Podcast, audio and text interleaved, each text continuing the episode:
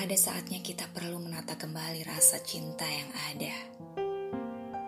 Jika ternyata rasa itu tidaklah tepat kita tujukan kepada yang bukan hak kita. Bukan berarti salah.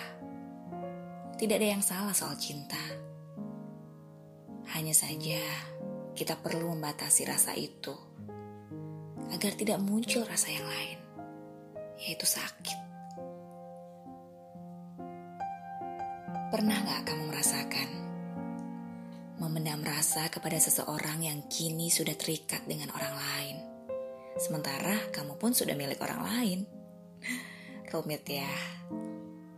Bisa jadi rasa itu muncul ketika kamu dan dia masih sama-sama sendiri, masih belum terikat dan bebas.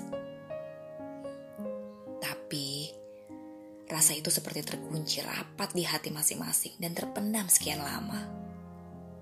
Bukan karena tidak mau mengungkapkan, tapi karena kamu dan dia terlalu takut dan sangat menjaga hubungan yang sudah berjalan layaknya sahabat.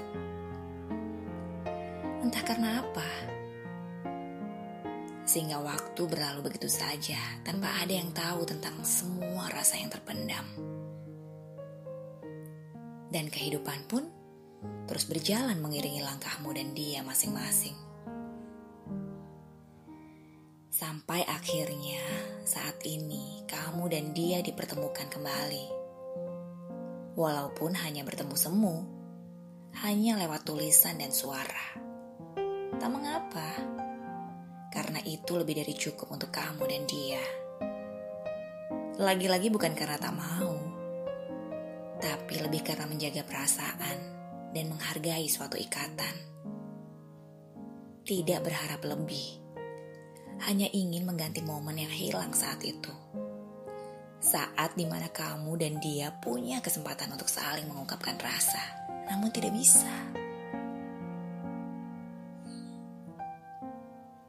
Jika kamu sudah membuka rasa yang terpendam, lalu kamu bisa apa?